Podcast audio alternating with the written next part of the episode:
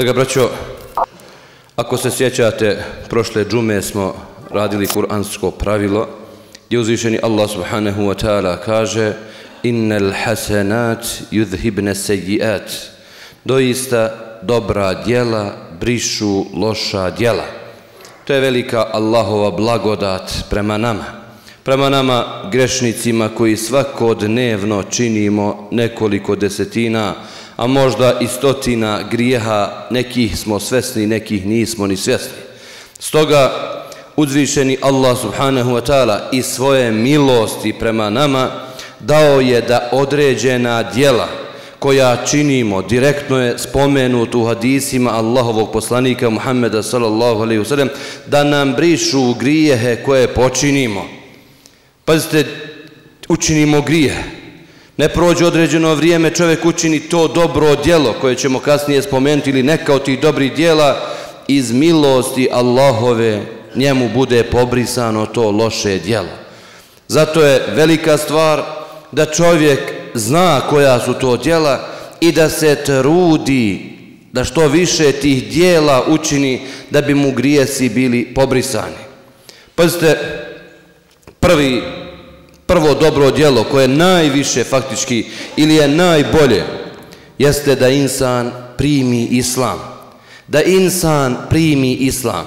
Pazite ovdje kod nas, naš narod čak ni ne zna koje su stvari to koje ga izvode iz islama. Mnogo opasna stvar.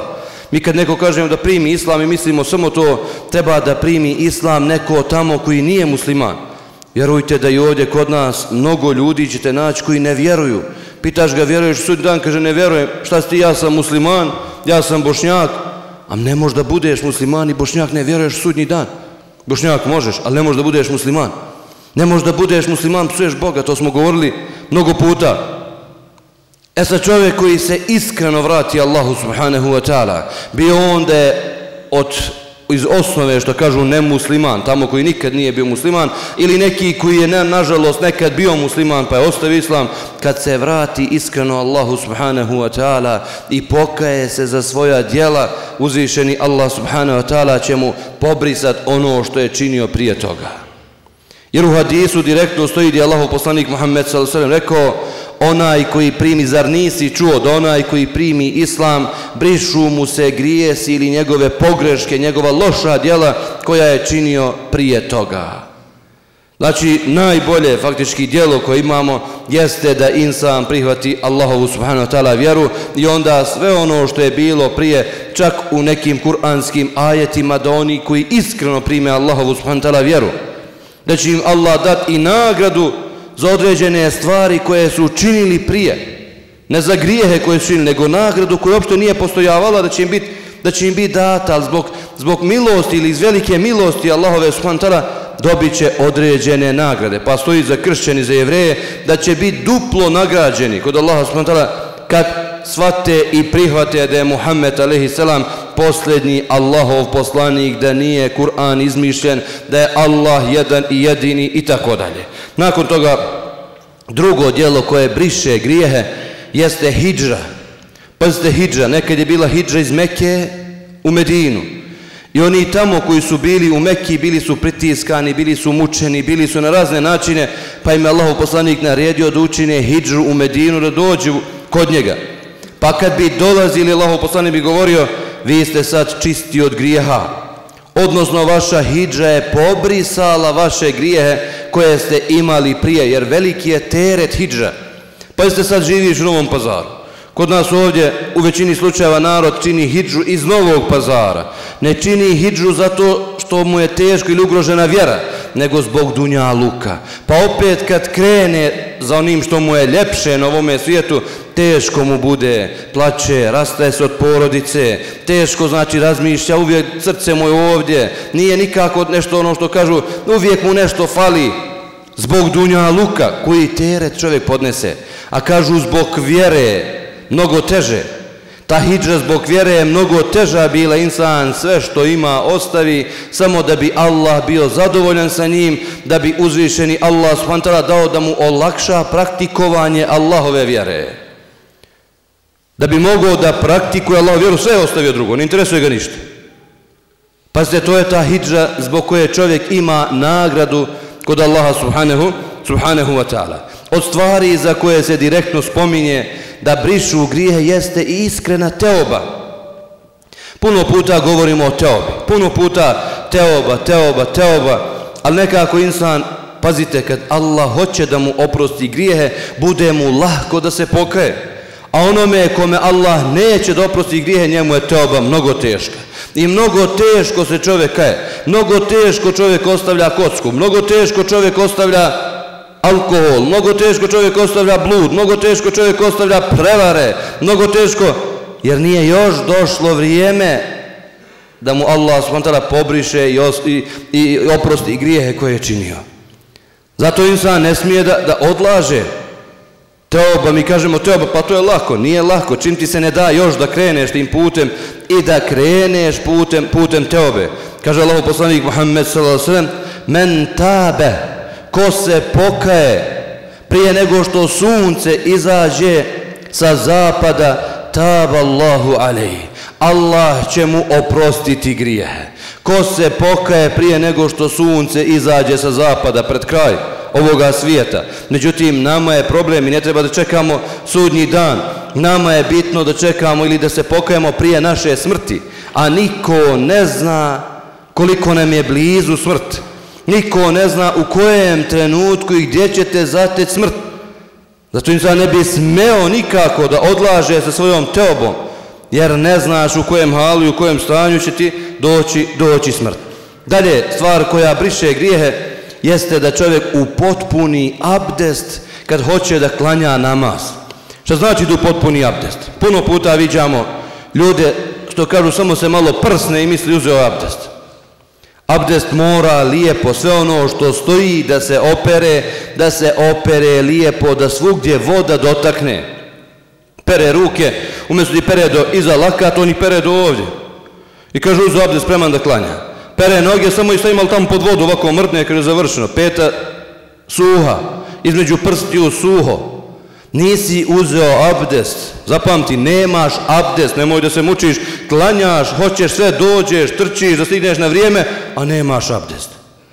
Nego abdest mora, sve ono što se spominje da mora da se opere, da svugdje bude kvasno, da nigdje ne ostane suvo ni jedan dio. Vidio Allahov poslanik Muhammed s.a.v. čovjeka, koji je ušao u džamiju, kaže na peti mu je bilo veliko suvo, pa je primijetio Allah poslanik Muhammed s.a.v. pa ga je vratio da uzme abdest. Pa kaže Allah poslanik, vejlu lil aqabi minen nar, teško ga se petama od džehennemske vatre. Pa ste teško ga se našim petama koji klanjamo od džehennemske vatre. Zbog čega? Zato što žurimo, neoprezni, nemarni, ne uzimaš abdest kako treba, a hoćeš da si usafuju namazu. E zato kaže Allahov poslanik, onaj koji upotpuni svoj abdest onako kako treba, bit će mu oprošteno ono što je učinio, ono što je učinio od griha.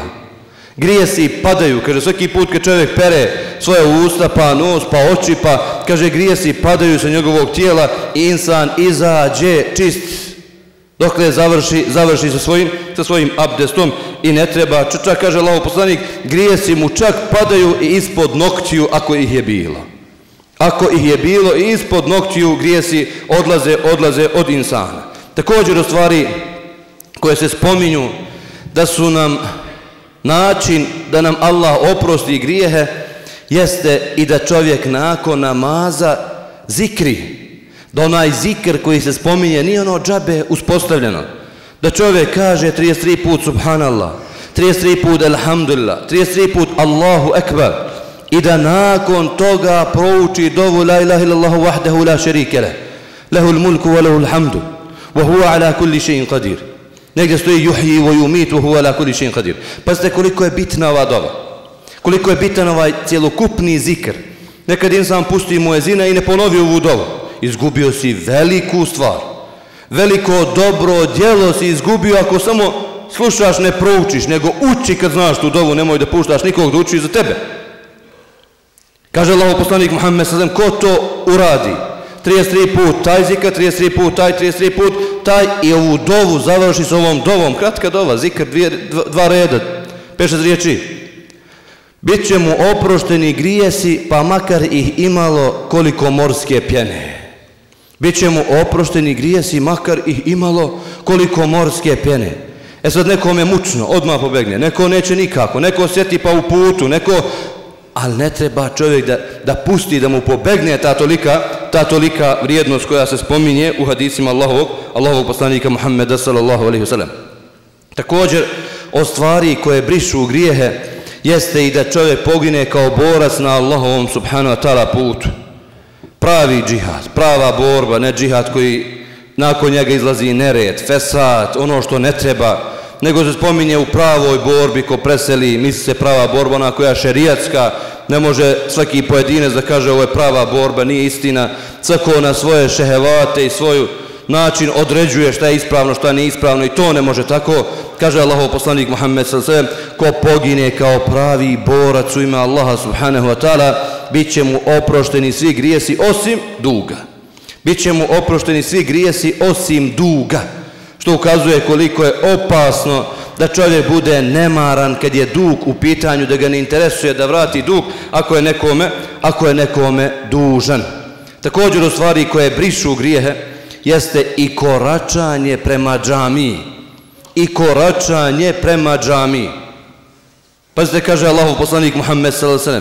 Čovjek kad krene od svoje kuće, primjer radi, kaže, uzme abdest u svojoj kući, pa krene prema džamiji Svaki korak koji učini, briše mu se jedan grijeh i podiže mu se jedan stepen kod Allaha subhanahu, subhanahu wa ta'ala. Sve dok ne očisti svoje grijehe, ide dok ne podigne svoje stepene kod Allaha subhanahu, subhanahu wa ta'ala. A to je velika, velika nagrada. Dalje kaže Allahov poslanik Muhammed s.a.v. U istom hadisu vam stoji da korača prema džami, da upotpuni abdest, da nakon namaza sjedne i čeka drugi namaz da dođe. Znači neke čovjek je dokon, nije zgore ga da ostane u džami, nego to je pohvalna stvar, treba da sedi u džami, da prozikri, da prouči sad je kratko od namaza do namaza, mi se polomi smo trčeći od namaza do namaza, trči pa taman stigne negdje popiješ kafu pa nema vremena pa vraćaj se pa nije zgore ga čovjek da ostane u džami, jer džamije treba da ožive. Kako da žive? Kažu duša džamije je džemat. Nije ovo što vidite ljepota, sve je to ništa. Ljepota džamije, ništa to nema toga. Šta je ljepota džamije? Ljepota džamije je džemat, živa stvar koja se kreće Allahovi robovi koji su u njoj, to je duša džamije i to je nešto najvrednije što može se kaže kad je džamija, kad je džamija u pitanju. Kaže sedne da čeka drugi namaz i onda kaže Allah poslanik وَذَلِكُمُ الرِّبَاتُ وَذَلِكُمُ الرِّبَاتُ A ima nagradu kao da je borac na ovom putu koji čuva granice Islama koji čuva granice, pa su koje mere oni posebni granični policajci ili granična straža, oni su najvredniji. Kaže, onaj koji to uradi ima nagradu kao onaj tamo koji čuva, koji čuva granice do te mere, bude, bude nagrađen kod Allaha subhanahu wa ta'ala. Također od stvari koje nam brišu grijehe jeste post mjeseca Ramazana.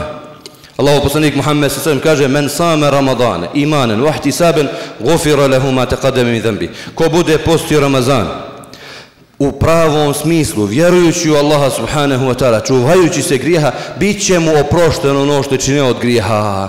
Bit će mu oprošteno ono što je činio od grijeha. Također u stvari koje se pominju da će se dobiti ta velika nagrada, jeste i ko bude klanjao noć kadra ko bude u Ramazanu proveo klanjajući Ramazan, noći, noći Ramazana, odnosno teravije, pa nakon teravija noći namaz, također tu stoji, bit će mu oprošteno ono što je učinio, ono što je učinio od grijeha. Pazite jedna stvar, mnogo lahka, nikomu nije teško. Samo treba čovjek da zanijeti, hoću to da uradim. Kaže Allahov poslanik Muhammed s.a.v. Ko dnevno kaže stotinu puta Subhanallahi wa bihamdi. Ništa više. Subhanallahi wa bihamdi. Biće mu oprošteni grijesi pa makar i imao komorske pene. Ponovo se ponavlja. A samo dvije riječi subhanallah ima neko da ne zna? Nema niko. Subhanallah wa bihamdi stotinu puta čovjek da se seti da prouči ovu dovu odnosno ovaj zikr to samo dvije riječi velika stvar ali traži uzvišeni Allah subhanahu ta'ala od nas da budemo povezani sa njim i da budemo u tom kontaktu uvijek sa Allahom subhanahu, subhanahu wa ta'ala. Također, od stvari koje nam brišu grijehe jeste i kad čovjek vidi da je napravio neki grijeh pa se pokaja Allahu subhanahu wa ta'ala da uzme i da klanja dva rekata dva rekata kao dva rekata teobe da zanijeti dva rekata na file. Ali hoću gospodaru uvidio sam grije to sam i to uradio tu i tu napravio sam grešku vraćam ti se gospodaru da čovjek uzme lijepo abdest da klanja dva rekata i da nakon toga zatraži oprost od Allaha subhanahu wa ta'ala u hadisu stoji neće ga uzvišeni Allah ostaviti a da mu neće oprostiti oprostiti grijehe koje je, koje je počineo također o stvari koje su sitne, nisu krupne, imaju veliku nagradu, jeste da se nauči da lijepi zikr. A taj zikr šta je kad se sjedi sa ljudima? U 99,9% kad se sjedi po, po sjelima, po posecima, ljudi nekad ogovaraju, nekad se priča nešto što ne treba, nekad se vidi nešto što ne treba, nekad se... I kaže ima dova koja se zove dova za oprost grijeha na sjelu. Dvije ili tri riječi čovjek samo da prouči, da zatraži od Allaha oprost, kaže Allah oprosti, bit ćemo prošteno ono što su činili na tom, na tom sjelu. Od Allahove, subhanahu ta'ala, velike, velike milosti.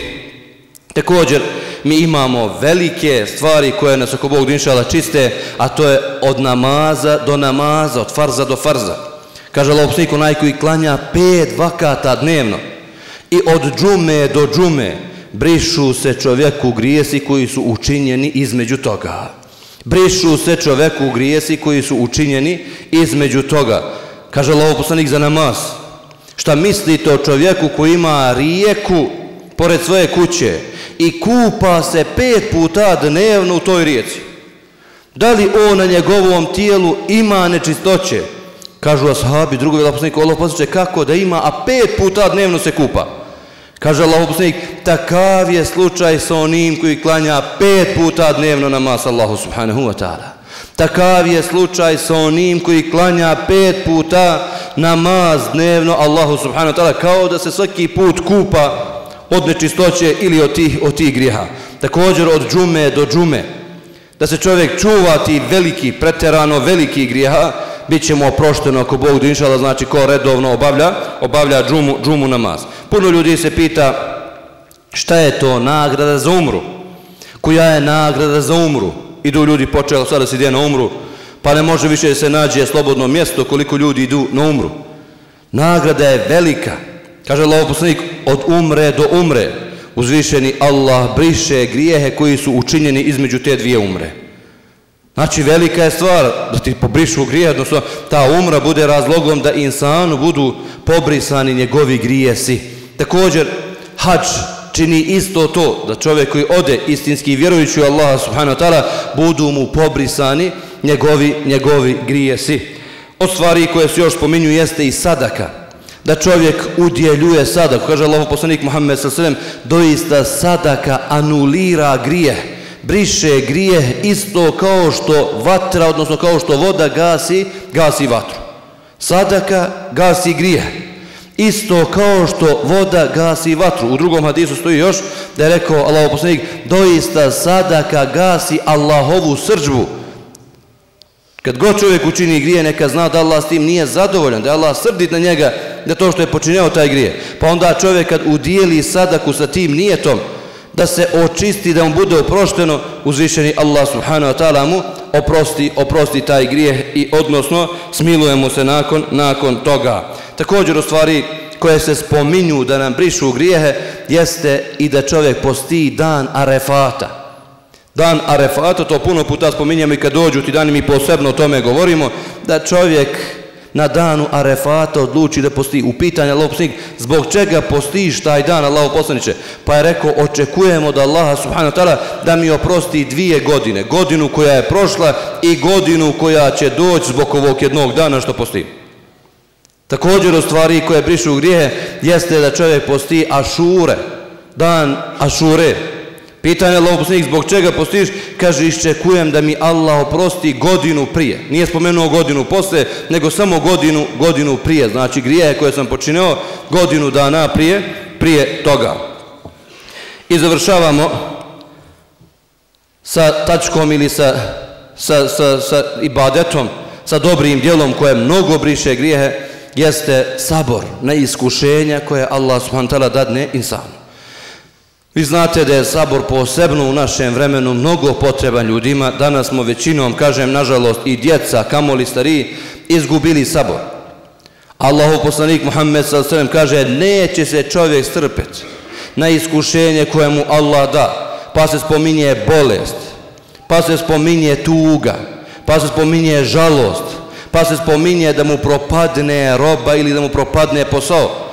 Pa čak, kaže Allahov poslanik, neće ga ni trn ubost, a on da se strpi radi toga, da ne opsuje odmah, da ne skoči odmah, nego da presabori radi Allaha subhanahu wa ta'ala, a da mu Allah zbog tih iskušenja neće pobrisati njegove, njegove grijehe. Pazite, vjernik je uvijek u plusu. Šta god insana da pogodi vjernika, on je uvijek u plusu. Onaj koji ne vjeruje, on je uvijek u minusu. Zato insan treba da se, što kažu ono, da posluje sa Allahom subhanahu wa ta'ala na najljepši način. I kad te pogodi radost da zahvališ Allahu subhanahu wa ta'ala. Kad te pogodi nešto što nisi iščekivo da budeš strpljiv i opet da zahvališ Allahu subhanahu wa ta'ala i na tome što te što te pogodilo. Islamski učenjaci se ovdje razilaze ovo sve što smo spomenuli da li ova dijela koja smo spomenuli baš brišu sve sve grijehe ili imaju veliki grijesi za koje čovjek treba posebno da se pokaje određene stvari ili dva mišljenja kod islamskih učenjaka. Jedna skupina islamskih učenjaka kažu brišu, kažu brišu se svi grijesi. Pa znači čovjek koji je i počinio i kocku i alkohol i ne znam ti e, kamatu i sve, ako učini ova djela, brišu mu se grijesi. Drugi islamski kažu ovdje se brišu mali grijesi koji su učinjeni, a za ove velike grijehe čovjek treba da učini teobu. Šta je teoba? Teoba je da čovjek kaže gospodaru riješio sam da se vratim tebi. Malo čas smo spomenuli na samom početku. Gospodaru riješio sam da se vratim tebi. Ostavljam ovaj grije striktno radi tebe. Pazite, niste svjesni. Odnosno, ko ima u svojoj blizini kockara, on zna. Sve je insan spreman da uništi. Isto kao što je narkoman, ista kategorija su i kockari, nema razlike. Jedino što narkoman ubija direktno sebe, sa tim otrovnim substancama koje koristi, a kockar ubija sve druge prvo oko sebe, pa onda na kraju dođe pa ubije sebe. Samo je to razlika, verujte. Raspadaju se porodice, ljudi ga jure, on bježi uvijek je nešto duža nekome, prevario ovoga, učinio je ovo, porodice je protiv njega, uništi im sve, nemaju hljeba da jedu, zajmi na sve moguća vrata, gdje god stigne, samo da bi svoj čejiv kocke zadovoljio. To počinje prvo sa malim stvarima, nemoj da se igrate. To prvo počinje da idu platim tiket. Daj do ovo, daj do ono, pa onda kad krene polako, pa ako ti se otvore još vrata, pa budeš mogao da uložiš više, sa nadom da ćeš dobiti više, krene polako i onda kraju nema. Zato je uzvišeni Allah s.w.t. zabranio kocku u potpunosti, zabranio alkohol u potpunosti, zabranio blut u potpunosti da mu se čovjek ne približava, baš zbog toga što je mnogo teško da se nakon toga pobegne od tih stvari. Ne možeš ti kad hoćeš. Ne možeš hoću ja samo jednom dva puta probam pa više neću. A to ne možeš tako. Jer si prišao tamo gdje ne treba da priđeš. I onda upadneš u problem. Molimo Allaha gospodara svjetova, da nam oprosti grijehe. Molimo ga, subhanahu ta'ala, da nam pokaže istinu i da se pridržavamo te istine, slijedimo istinu, da nam pokaže neistinu i da bježimo i da ostavimo neistinu. Amin, amin, amin, ja rabbel